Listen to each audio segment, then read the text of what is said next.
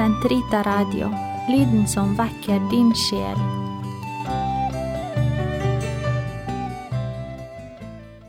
Eksorsisme i katolsk teologi og liturgi Kristendommen slik den har blitt i Norge i dag, har med to dimensjoner, og har glemt den tredje. Man har med den horisontale, vi mennesker på jorden, pluss den vertikale, himmelen som hvelver over jorden.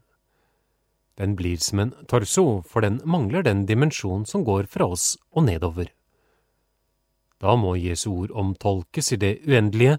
Det følgende er et foredrag jeg ved flere anledninger har holdt om denne tredje dimensjonen, blant annet ved et kurs på Modum Bad i år 2002. Det har gått inflasjon i demonutdrivelse med all den ulykke, psykisk og fysisk, som dette fører med seg. For ca 30 år siden leste jeg boken Djevelutdriverne med Eva Lundgren som hovedforfatter. Den er sjokkerende lektyre. En karismatiker med lederevner opplever å få et kall fra Gud til å oppspore demoner og drive dem ut. Kallets opphavsmann kan ha stor uorden i eget syke. Han opplever maktens sødme når offeret knytter seg til ham, og brødre og søstre i Kristus beundrer hans åndsgaver. Når eksorsismen ikke lykkes etter flere seanser, må skylden ligge hos offeret selv, fordi han, eller helst hun, ikke slipper taket på det syndige liv og ikke er villig til å overgi seg helt til Gud. Den besatte blir overlatt til den iskalde ensomhet og sikre fortapelse. Offeret har fått sår som, tross senere psykiatrisk behandling, kan sitte i resten av livet. Satans strategi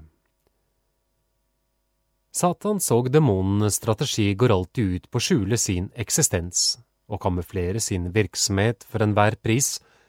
Dette skjer ofte ved en form for multiplisering, ved å la det gå inflasjon i tilsynelatende besettelser og en tilsvarende inflasjon i tilsynelatende utdrivelser. Når så disse hendelser en masse blir avslørt av psykiatrien og lagt frem for offentligheten i all sitt naive dilettanteri, vil det brede lag av befolkningen i anstendighetens navn ta avstand fra disse religiøse utskeielsene, men også samtidig i samme slengen forkaste kirkens årtusen år gamle tro på demoner og demonutdrivelse. Dette er noe som hører hjemme i den mørke middelalder, blir det sagt. Det som da skjer, er at barnet kastes ut med badevannet. Djevelen og hans hær av onde ånder blir forkastet som ikke-eksisterende, Dermed har djevelen oppnådd sitt mål med den såkalte eksorsismen i Norge. Hans strategi har vært vellykket. Usynlig for den religiøse bevissthet kan den gamle dragen, og nå uten motstand, føre sin krig mot Gud og mennesker, personer som han hater, skapt som de er i Guds bilde. Jeg tror Satan ser med stor velvilje på det som skjer i enkelte karismatiske miljøer her til lands, ikke bare oppnår han å bli forvist til overtroens mørkekammer, han lykkes også i å pine fysisk og psykisk mennesker som han hater. Den demonologiske teologi og praksis På kontinentet skjer eksorsismen i langt mer disiplinerte og nøkterne former enn det som skjedde på Vestlandet for 30 år siden. Hva jeg legger i dette, vil jeg utrede nærmere senere i dette foredraget, men først litt om teologien bak demonutdrivelser. Her vil jeg fatte meg i korthet, fordi de bibelske tekster som taler om Satan og hans onde ånder, er kjent av alle som her er til stede. I Det nye testamentet nevnes djevelen og hans onde ånder 300 ganger.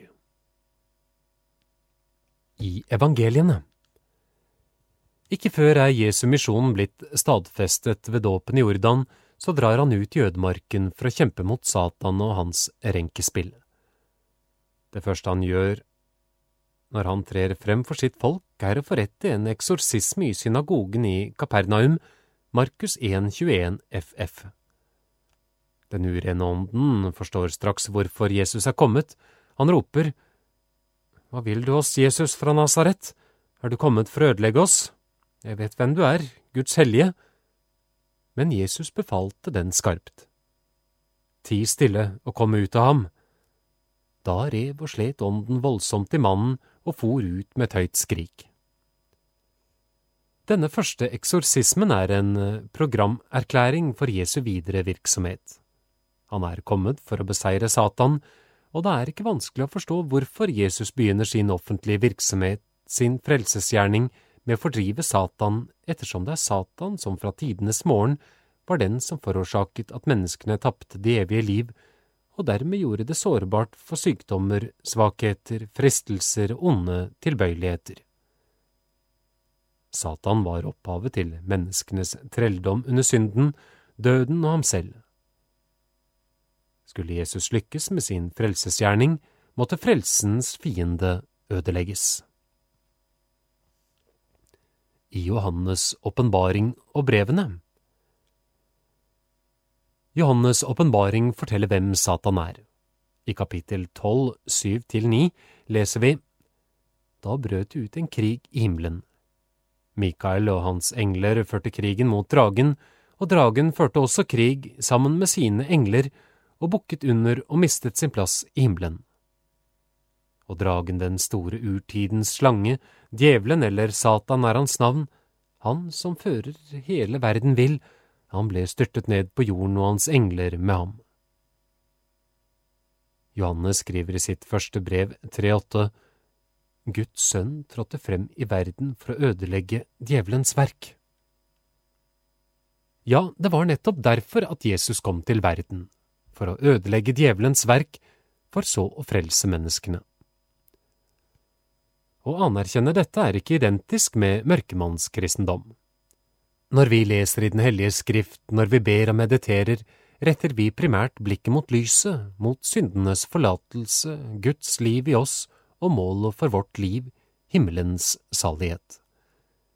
Men vi gjør Kristus en urett, ja, viser oss utakknemlige hvis vi neglisjerer eller omtolker den kamp Jesus førte mot mørkets makter. Det var jo denne, langt på vei, uskadeliggjøring av Satans makt som åpnet himmelveien for oss mennesker. I kirken nå kunne vi skritt for skritt viderefølge Jesu kamp mot mørkets fyrste slik vi finner den skildret i evangeliene, apostlenes gjerninger og brevene. Men Jesu tallrike demonutdrivelse er så velkjent stoff for alle her til stede at vi velger å gå et skritt videre fra Kristus til kirken. Makten til å drive ut demoner ga han videre til kirken. Han overfører sin fullmakt til å bekjempe ondskapens åndehær til kirken, som jo er kalt til å videreføre hans verk på jorden. Hos Markus 6, 7 leser vi Jesus kalte de tolv disiplene til seg og begynte å sende dem ut to og to, og ga dem makt over de vanhellige ånder. Tilsvarende tekster finner vi hos Matteus 10,1 og Lukas 9,1. Like før den oppstandende Kristus farer opp i himmelen, gir han apostlene misjonsbefalingen om å forkynne evangeliet verden over, og et av tegnene skal følge dem som tror, er at de kan drive ut demoner i Jesu navn. Markus 16,18 Apostlene fortsetter denne virksomheten, og det har kirken gjort opp gjennom ur- og oldkirken, middelalderen og i nyere tid. Gjennom denne fullmakt som kirken har fått, deltar den i den seier som Jesus ved sitt offer på korset vant over mørkets rike. En teologisk diskusjon Før jeg går videre med å skildre hvordan denne makten over demonen utøves, vil jeg kort streife inn på en diskusjon som bølger blant katolske og protestantiske teologer både innad og utad. Engler og demoner kun prinsipper? Det hevdes at når Bibelen taler om engler, så dreier det seg om personifikasjoner av Guds godhet, en legemliggjørelse av de store, gode krefter som bistår oss i denne verden. Omvendt blir det hevdet at når Bibelen taler om Satan, er han en personifikasjon av all den ondskap som motarbeider Gud i hans frelsesverk. Engler og demoner forvandles altså fra gode og onde personer til gode og onde prinsipper. Da pave Johannes Paul 2. for noen år siden ble gjort kjent med at mange katolikker i dag benekter Satans eksistens, svarte han Den som fornekter Satan, fornekter evangeliet. Et slikt spontanansvar fra en pave er selvfølgelig ikke ufeilbart. Det avspeiler kanskje like mye pavens personlige erfaring under nazismen og kommunismen som hans teologiske ståsted. Personlig synes jeg Jesus mister mye av sin guddommelige troverdighet når han vitterlig mangfoldige ganger titulerer djevelen og demonene med personlige pronomener som han, du, dere og endog tale strengt til dem og det skulle i virkeligheten kun dreie seg om onde prinsipper og ikke onde personer. Paulus oppfordrer menigheten i Efesos, ta Guds fulle rustning på så dere kan stå dere mot djevelens lumske angrep. For vår kamp er ikke en kamp mot kjøtt og blod, men mot makter og myndigheter, mot herskerne i denne mørkets verden, mot ondskapens ånde her i himmelrommet. Efeserne 6, 10–13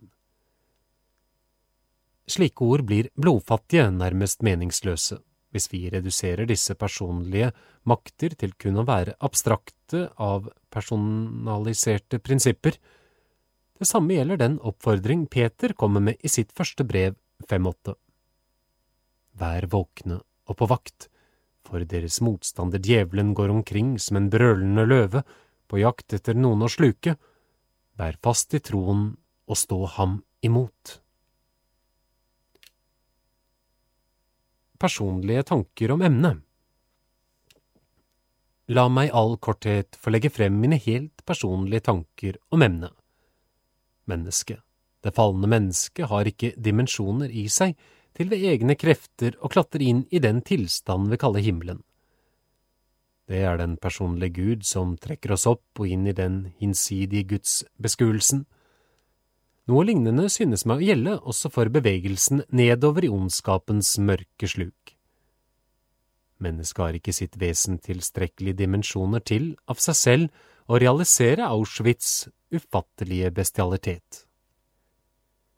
Nei, en personlig engel skapt av Gud med en ufattelig stor evne til det gode, har etter hovmotets fall ned i intetheten pervertert denne evnen til en tilsvarende ufattelig evne til det onde. Satan er ikke et blodløst prinsipp, men en person som kjemper mot Gud og hele hans skaperverk. Hans hat til oss mennesker, skapningens krone, er bunnløst, skapt som vi nå en gang er i Guds bilde. Det er denne falne engel, gjennomsyret av en ufattelig ondskap, som gir oss mennesker dragkraft nedover til det vi opplevde under krigen. Jeg tenker nå på Auschwitz, og lar i denne sammenheng Auschwitz stå som symbolet på alle utryddelsesleirer både i vest og øst. Kanskje for første gang i historien opplevde vi en ondskap uten lidenskaper.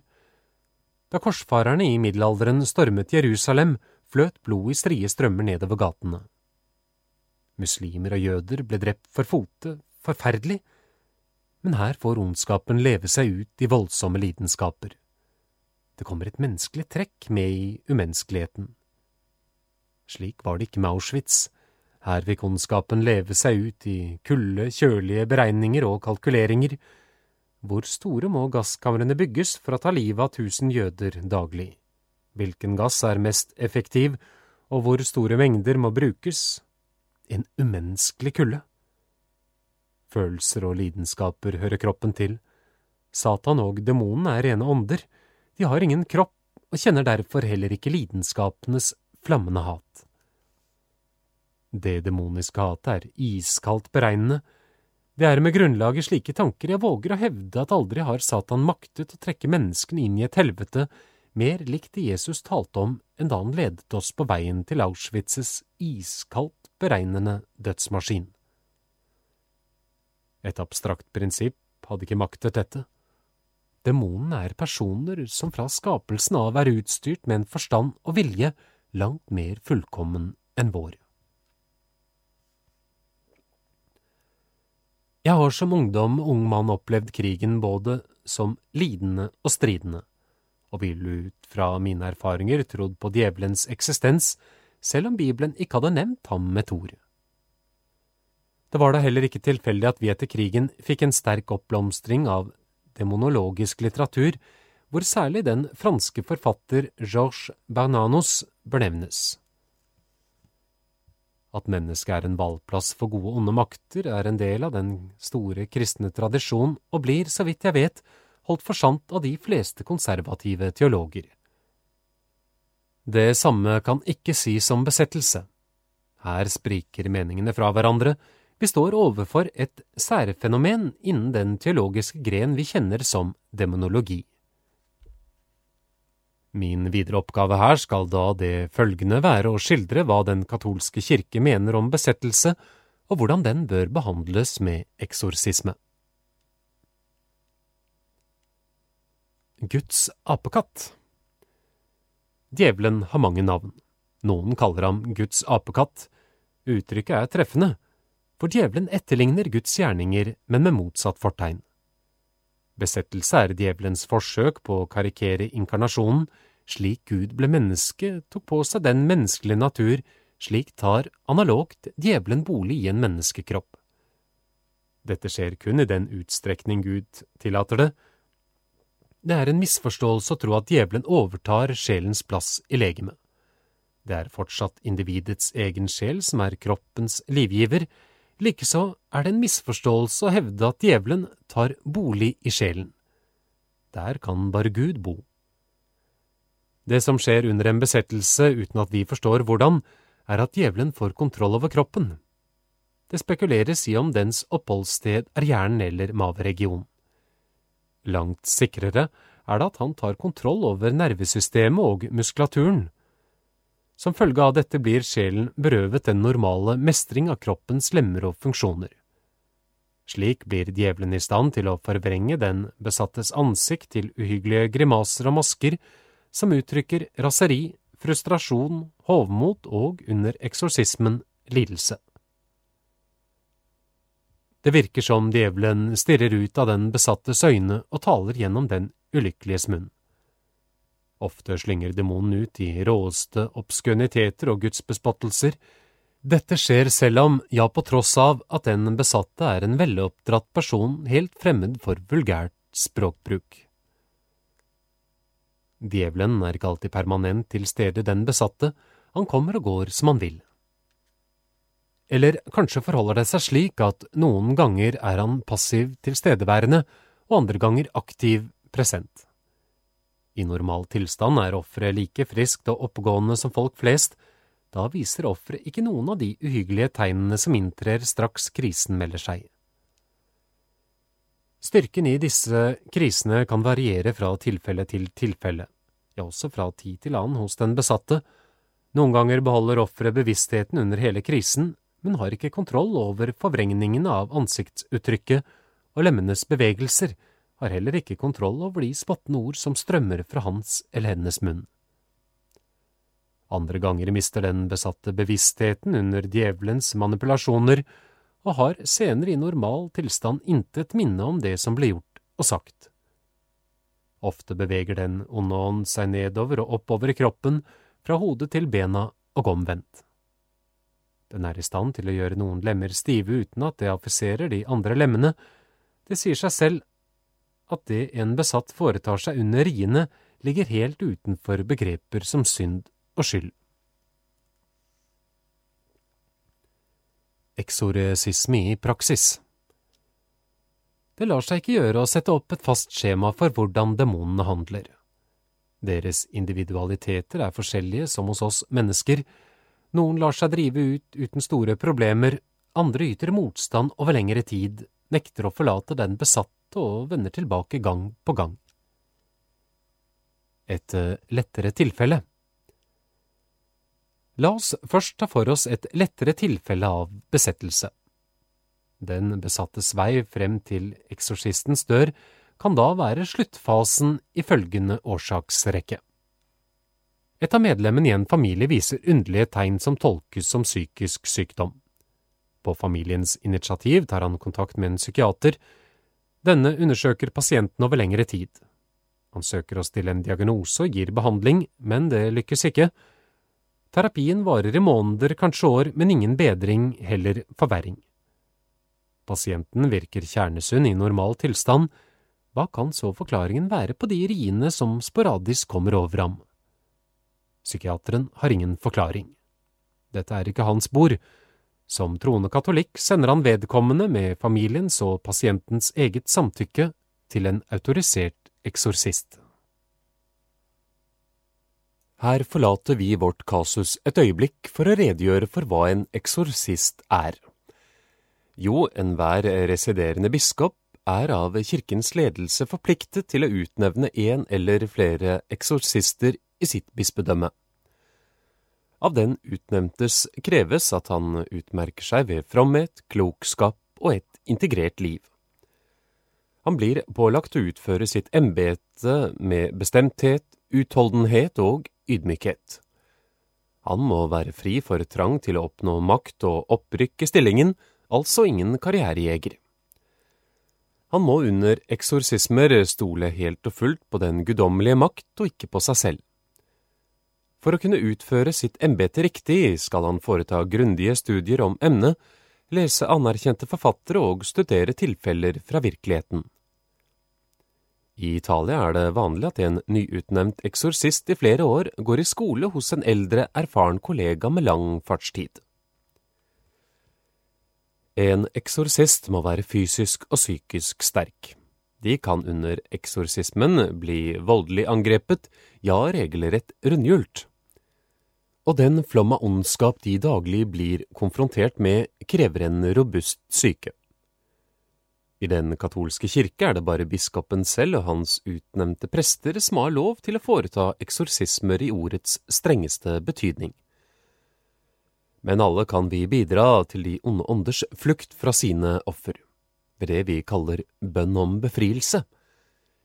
En slik bønn forrettet av legfolk finner vi slutten av det ritualet vi skal si noen ord om senere. Men nå tilbake til vårt lettere tilfelle. Pasienten banker på eksorsistens dør, han ber om å bli behandlet av ham og viser frem et anbefalingsbrev fra psykiateren som presten for øvrig kjenner fra før. Den geistlige tar vennlig imot mannen, men forholder seg først noe distansert, uten å vise altfor stor interesse. Hvis pasienten sier han tror han er besatt av en ond ånd, er ikke det bevis på at han virkelig er besatt. Det kan dreie seg om en vrangforestilling som kan behandles med terapi. Eksorsisten samtaler med pasienten, tar senere kontakt med hele hans familie, hører hva de har å berette om mannens atferd. Fremfor noe annet er det viktig for eksorsisten å få grundig informasjon av psykiateren som har behandlet ham og etter mislykket terapi sendt ham videre til vedkommende eksorsist. På dette stadium er det umulig for eksorsisten å si noe sikkert om hva dette dreier seg om men har han en berettiget mistanke om en besettelse, vil han gjøre en test som gir større sikkerhet. Han vil foreta en prøveeksorsisme. Det kan skje i all stillhet uten at verken pasienten eller eventuelt andre som er til stede, er klar over hva han foretar seg. Han setter seg kanskje i en krok, men med godt utsyn mot pasienten, og ber i all stillhet de bønner i ritualet som kirken foreskriver for en utdrivelse. Den eneste som kanskje vil reagere på prestens bønner, er demonen, hvis en slik en har tatt bolig i pasienten. For djevelen frykter kirkens rituelle bønner mer enn noe annet. Hvis pasienten ikke viser tegn på besettelse etter en eller flere prøveeksorsismer, kan presten være temmelig sikker på at dette ikke er hans bord. Det må dreie seg om et medisinsk eller psykiatrisk kasus. Det motsatte kan også skje ved en slik prøveeksorsisme. Pasienten viser svake, men typiske demoniske tegn. Jo grundigere skolert eksorsisten er, og jo lengre erfaring han har, jo lettere vil han oppdage og tyde tegnene. Her vil vi nå atter en gang forlate eksorsisten og hans pasient noen minutter og se litt nærmere på de tre tegnene som kirken fremhever som de viktigste bevis på besettelse, men helst da i tyngre tilfeller. Det første tegnet er pasientens evne til å tale med letthet, et for pasienten helt fremmed språk, eller forstå det når andre taler det. Her dreier det seg ikke om vanlig tungetale som vi kjenner fra karismatiske miljøer, men om virkelig språk.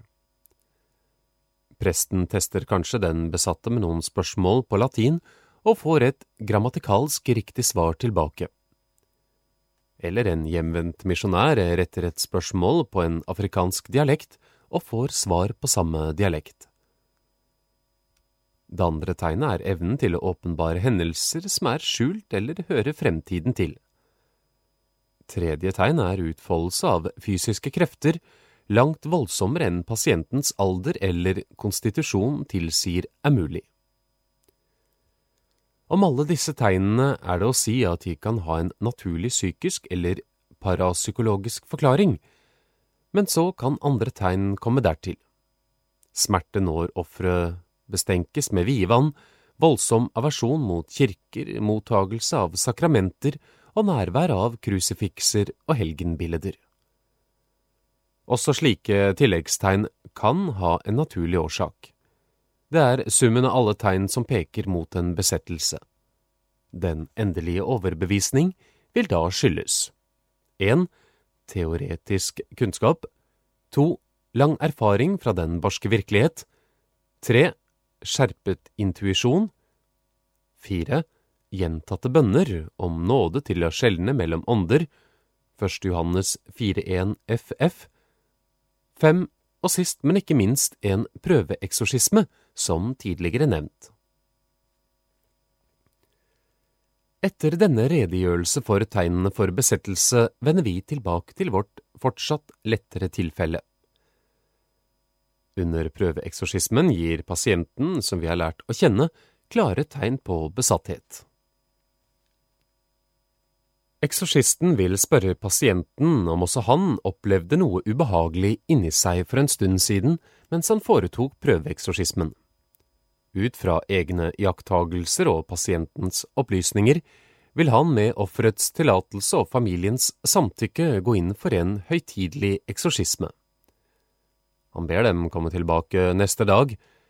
Før presten skrider til verket, ruster han seg til kampen ved bønn, skriftemål og feiring av Den hellige messe. Har han mistanke om at han står overfor et vanskelig tilfelle, bør han også faste. Godt ville det være om pasienten selv forberedte seg på samme vis. Under eksorsismen vil det foruten presten være en lege eller helst en psykiater til stede, videre en hjelpeprest som går i lære, samt en eller flere personer som kan holde pasienten fast hvis det blir nødvendig. Det siste gjelder for tyngre tilfeller. Det tilfellet vi nå er vitne til, viser seg imidlertid å være av lettere slag. Pasienten blir befridd allerede ved første eksorsisme. Tyngre tilfeller A. Eksorsisten bok og film. Nå kan vi tenke oss et langt tyngre tilfelle. Fristende ville det da være å ty til romanen Eksorsisten, skrevet av William Peter Blatty, en bok som senere ble filmatisert. Under skrivingen fikk han støtte både fra teologer, medisinere og psykiatere.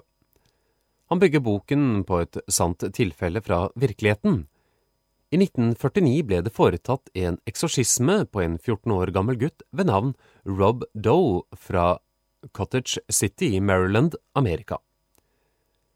En av prestene som var til stede, noterte dag for dag det som hendte under utdrivelsen, som for øvrig endte med befrielse. Denne dagboken har forfatteren Blatty benyttet som grunnlag for romanen Eksorsisten. B. Egon von Petersdorf forteller. Siden både boken og filmen er godt kjent, vil jeg heller sitere hva en kjent tysk demonolog, Egon von Petersdorf, opplevde da han overvar en eksorsisme i Italia. Vi vil ikke her søke etter mønstre i besettelsen, det vil vi komme inn på senere, bare skildre uhyggen. Det var ubeskrivelig grufullt. Det dreide seg om en uskyldig, tidvis besatt person som etter hver eksorsisme fikk en hvilepause. Selve overgangen fra ro til krise var rystende. Det normale ansiktsuttrykket til personen som først forholdt seg rolig, fortrakk seg til en grimase, som om det heftig, men forgjeves forsvarte seg mot noe et eller annet ukjent. Og så talte plutselig demonens stemme ut av den besatte personen og sprutet en kaskade av gudsbespottelser og skjellsord mot eksorsisten. Det stakkars mennesket, altså den besatte, var selv tilhører til det som ble sagt, men kunne ikke forhindre at demonen talte gjennom vedkommendes munn, hadde heller ikke kontroll over egen arm, som gikk til kraftig angrep på eksorsisten, og flere ganger slo ritualboken ut av hendene hans. Noen ganger lot demonen offeret under skingrende skrik hoppe og springe på halsbrekkende, akrobatisk vis over og bortover benkene i kapellet hvor eksorsismen foregikk, så de tilstedeværende ble grepet av angst og beven. Men ingen skade skjedde. Kroppen viste seg å være uømfintlig og ble båret av demonen.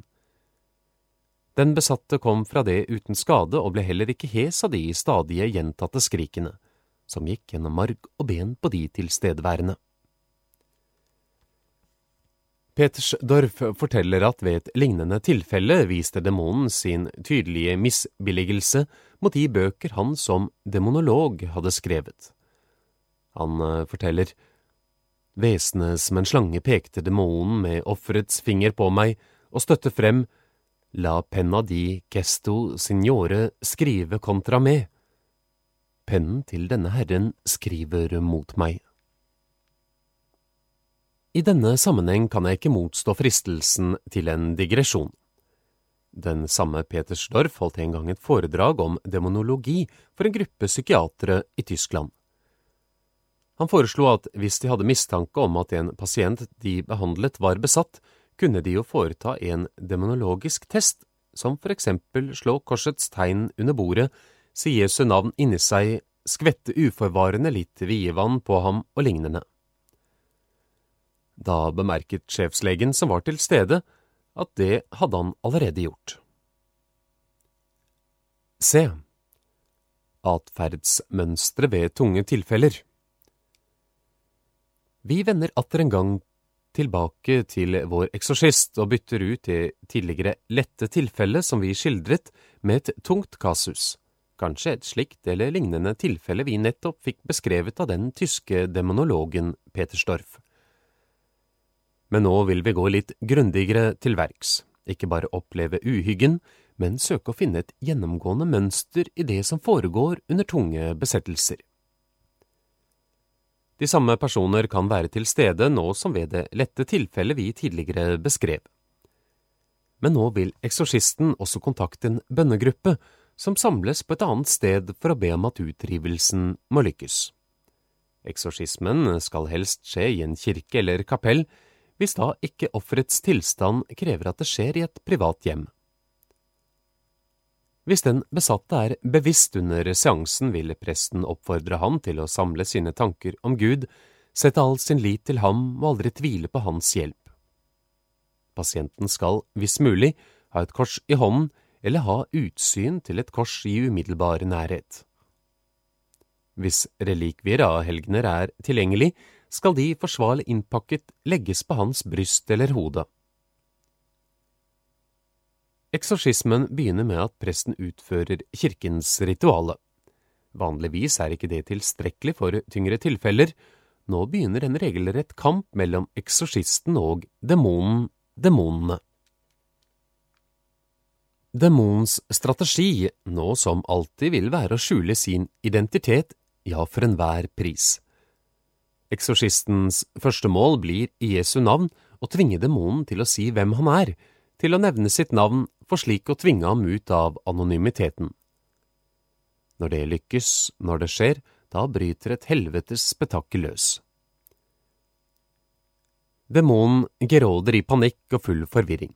Den spruter ut, som tidligere beskrevet, en kaskade av truende blikk, gudsbespottelser og obskøniteter rettet mot eksorsisten, og ofte en ond lukt som fyller hele rommet. Så henvender demonen seg til offeret og skjeller det ut i tredje person, kaller det grisen, hora osv. Før eksorsismen kan fortsette, må demonen trues til taushet. Demonens stemme går over til lav, usammenhengende, klynkende babling. Når stemmen så dør ut, inntrer en fortettet, truende stemning i rommet. Demonen er nå på kraftig kollisjonskurs med Guds vilje. Eksorsisten befinner seg i regelrett kamp med demonen. Han tvinger den onde ånd til å gi fra seg flere informasjoner, som for eksempel når han tok offer i besittelse, når han akter å forlate det, hva som var årsaken til at han besatte dette mennesket, og lignende. Demonen vil over lengre tid lyge eller fortelle halvsannheter eller gir tvetydige, vanskelige svar, for slik å trette ut eksorsisten så han ikke orker mer og gir opp. Djevelen er løgnens far, sier Jesus. Presten og de tilstedeværende vil vokte seg vel for å stille demonen nysgjerrige spørsmål som ikke er relevante for utdrivelsen. Lang erfaring vet å fortelle at demonen da, ved sine svar, kan lure den spørrende opp i stry. Eksorsisme er ikke magiske riter som ved trylleslag fører til ønsket resultat.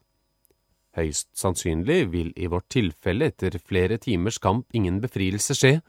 Seansen vil trolig fortsette neste dag, og med visse pauser kanskje over uker og måneder før demonen slipper taket det demonens motiv for besettelse. Hvorfor klamrer demonen seg til den besattes kropp? Hvorfor vil han på død og liv ikke forlate den? Her råder uklarhet innen teologien. Det er teologer som hevder at demoner får en viss lindring fra sin smerte ved å ta bolig i et menneske, da blir ikke ondskapens intethet så tung å bære. Det de frykter mest, er å bli drevet ut av kroppen til den besatte, for så å måtte vende tilbake til helvetes totale intethet. Andre teologer mener med belegg i Bibelen at demonenes endelige dom først finner sted på dommens dag. Derfor alle mulige bedragerske løgner og strategier for å skjule at han fortsatt befinner seg i kroppen. Ritualet er en sann tortur for demonen men helvetes pinsler verre. Heller fare inn i en flokk griser enn å vende tilbake til den store tomhet. Les om de besatte i gardarenernes land, Matteus 8,32. E. eksorsistens utrustning? Når vi slik står midt oppe i en demonisk kamp, skjønner vi hvor viktig det er at eksorsisten på forhånd har styrket seg med alle kirkens nådemidler. Han og andre som er til stede, bør heller ikke gå rundt med hemmelige, for andre ukjente synder, for disse vil demonen åpenbar i alles påhør for å ta motet fra eksorsisten og de som står ham bi. Viktig er det også at eksorsisten er fysisk sterk, så han kan sette seg til motverge og tåle noen slag og spark under seansen, men også psykisk robust. Eksorsisten står jo selv i fare for å bli besatt under eksorsismen. Dette hendte for øvrig i Lodun i Frankrike i 1634, da en psykisk og fysisk nedbrutt prest søkte å drive ut en angivelig demon fra en nonne. Han ble selv besatt. Hvorfor skjer besettelser? Før vi går videre, vil vi noe famlende søke å gi svar på to spørsmål. A. Hvorfor tillater Gud at besettelser finner sted? Å svare utfyllende på første spørsmål kan bare Gud. De kan peke på at mennesker som opplever en besettelse, eller andre som får en troverdig beretning om det som skjedde, vil ta Satan og hans medhjelpere alvorlig i all fremtid. Det kan være én årsak, men så en annen. Ved en eksorsisme blir Satan tvunget ut av sin anonymitet og lettere gjennomskuet i sin hatefulle strategi for å forhindre at menneskene når sitt mål. En tredje årsak, En eksorsisme vil gi vitnesbyrd om at Jesus Kristus ved sin død og oppstandelse har seiret og fortsatt seirer over denne verdens fyrste. B.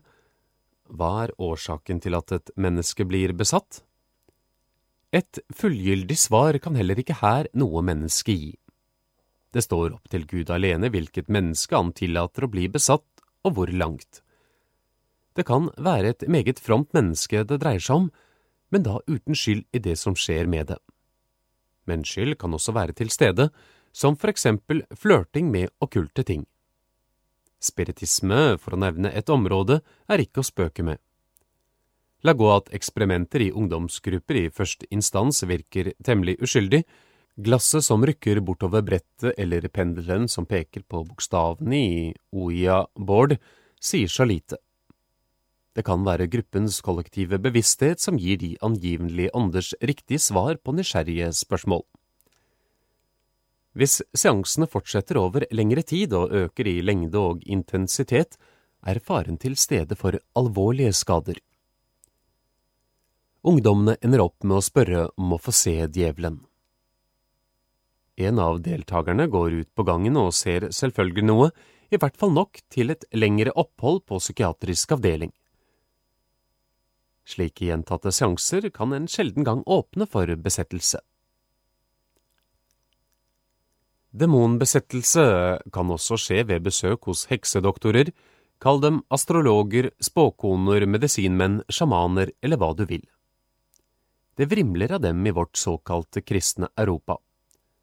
Noen tjener grove penger på folks overtro, vi kan ikke fraskrive alle heksedoktorer den gode vilje. Det samme gjelder dem som konsulterer dem, men vi kjenner til heksedoktorer som har inngått en pakt med Satan og formidlet eller ledet pasienten inn i en besettelse. Men også de gode, velmenende heksedoktorer opererer med okkult magi. Ja vel, men jeg driver med hvit magi, ville en heksedoktor svare. Sjefseksorsist i Roma, Gabriele Amort, som i 1994 utga bestselgeren en eksorsist forteller sin historie, sier det finnes ingen hvit magi. Den vil alltid være svart. For hvem forventer man hjelpen fra? Er det Gud som hjelper gjennom trylleord og magiske gjenstander? Sikkert ikke. Bærer de magiske tegnene i seg selv kraften til lykke, helse, helbredelse eller til å tvinge en person til å bli forelsket i en spesiell mann eller kvinne? Utelukket. Hvor kommer så kraften fra når denne magien sporadisk virker? Den italienske sjefseksorsisten har ingen vanskeligheter med å lokalisere hvor hjelpen kommer fra. Den kommer fra djevelen. Når den berømte eksorsisten under en eksorsisme tvinger demonen til å røpe grunnen til besettelsen, og svaret peker på en okkult gjenstand, tvinger han demonen til å røpe hjemstedet. Hvis den onde ånd har latt offeret sluke gjenstanden, tvinger han demonen til å kaste den opp.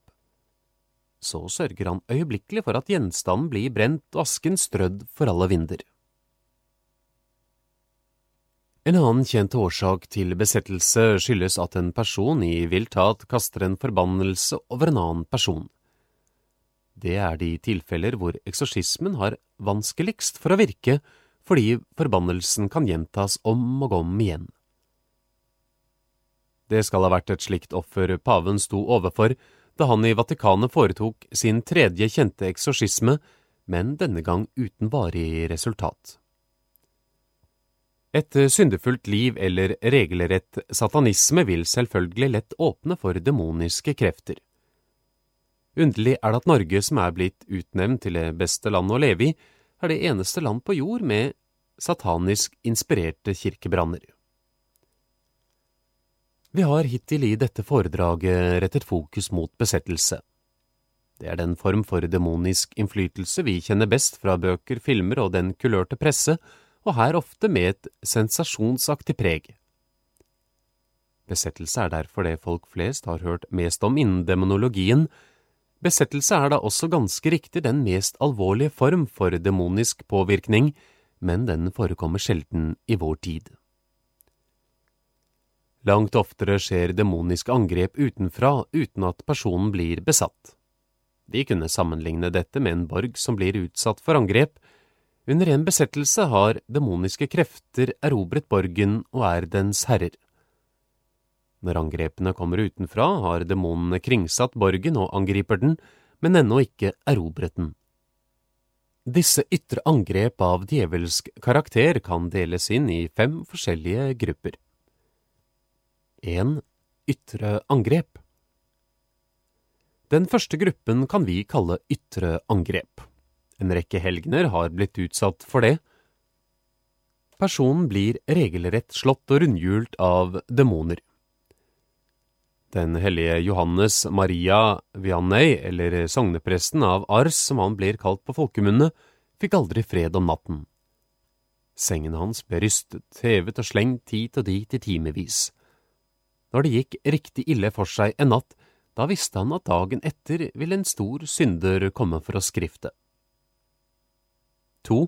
Diabolsk undertrykkelse Diabolical oppression Gruppe nummer to gjelder mennesker som blir utsatt for diabolsk undertrykkelse. Den krumbøyde kvinnen som Kristus helbredet, og som vi leser om hos Lukas 11,11, 11, hadde vært plaget av en sykdomsånd i 18 år. I dette tilfellet dreier det seg om djevelsk undertrykkelse. Det samme gjelder for Paulus, vi leser i andre Korinterbrev 12, 7–8, at han, for at han ikke skulle tro for stort om seg selv på grunn av alle hans åpenbaringer, hadde fått en torn som sto ham i kroppen, en Satans engel som skulle slå ham i ansiktet så han ikke skulle bli for stor på det. Det beste eksempelet er vel jobben. Gud tillot djevelen å skade denne fromme gudsmannen på hans eiendom, familie, helse og i hans relasjoner til venner og sin egen hustru. 3.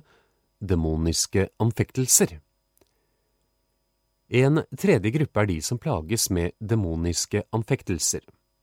De tortureres av absurde, ofte blasfemiske tanker som de ikke kan fri seg fra, så de lever i en konstant tilstand av nedtrykthet, desperasjon og fristelser til å begå selvmord. Her mer enn på noe annet område må hjelp i første instans søkes hos en psykiater eller psykolog.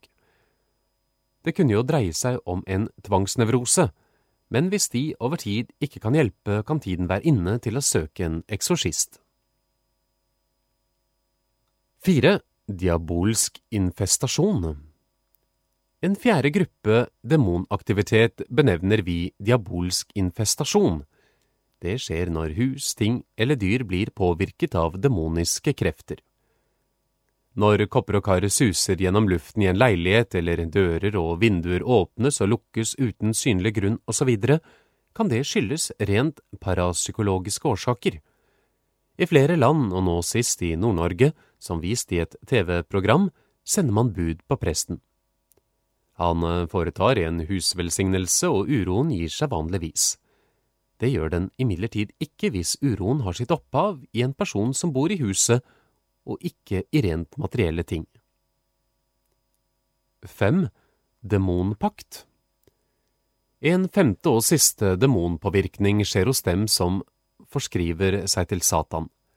Det kan skje ved en blodspakt med djevelen eller ved en kvasireligiøs innvielse til Satan. Det romerske ritualet Så over til ritualet og da først noen ord om dets historiske utvikling. Vi har historiske bevis på at urkirken fulgte Jesu befaling og drev ut onde ånder. Men de bønner og riter de benyttet, gikk tapt for ettertiden, bortsett fra det vi kaller den lille eksorsisme.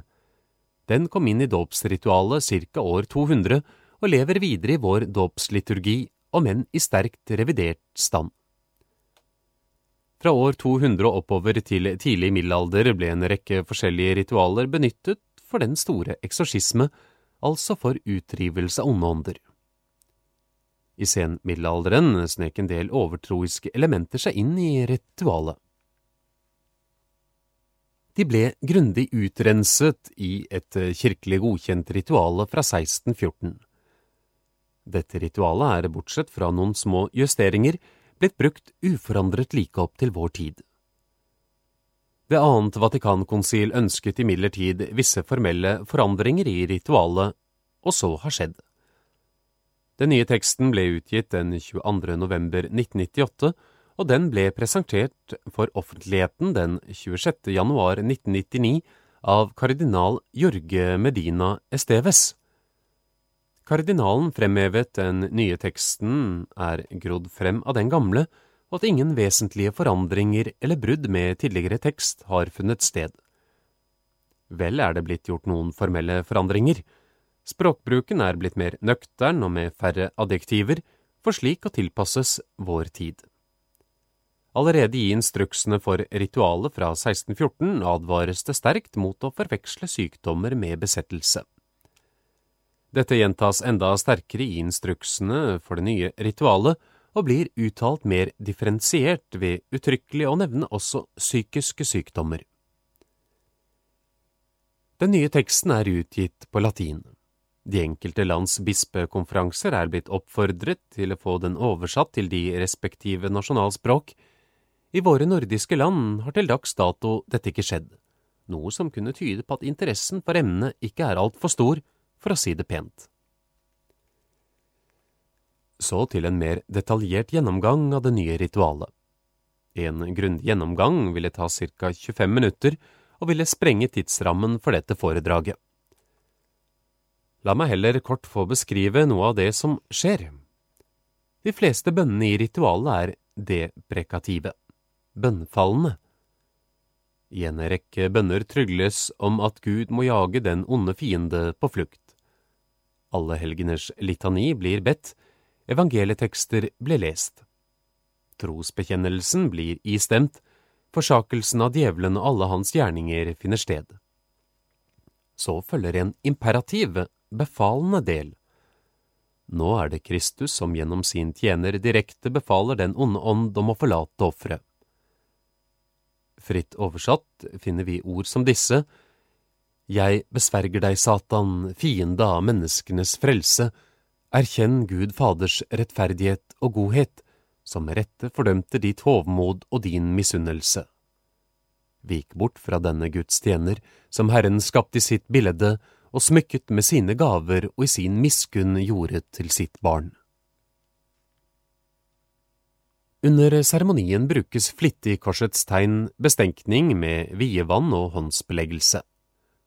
Det nye ritualet stiller for øvrig presten mer fri til å gjenta de bønner han finner er mest virkningsfulle i ritualet, og føye til gammeltestamentlige salmer og bibelord fra Det nye testamentet etter forgodtbefinnende. Etter eksorsismen forrettes takkebønner, og presten gir alle tilstedeværende sin velsignelse. Avsluttende tanker Avsluttende kan jeg ikke motstå fristelsen til å gi uttrykk for noen personlige tanker. Et kurs som dette vil gi avklarende hjelp til dem som sliter med å bygge opp ofrene for en skadelig amatør og moteeksorsisme. Men sett på verdensplan er både den karikerte og ekte besettelse og tilsvarende eksorsismer kun relativt små trefninger på Satans slagmark. Langt, langt farligere er djevelens ordinære virksomhet i verden. Det er den som skaper historie, og hvilken. Vel skal vi vokte oss for å overdrive den onde fiendes makt. De fristes først og fremst av vårt eget kjød og verden, forstått som det i og utenfor oss som trekker oss bort fra Gud.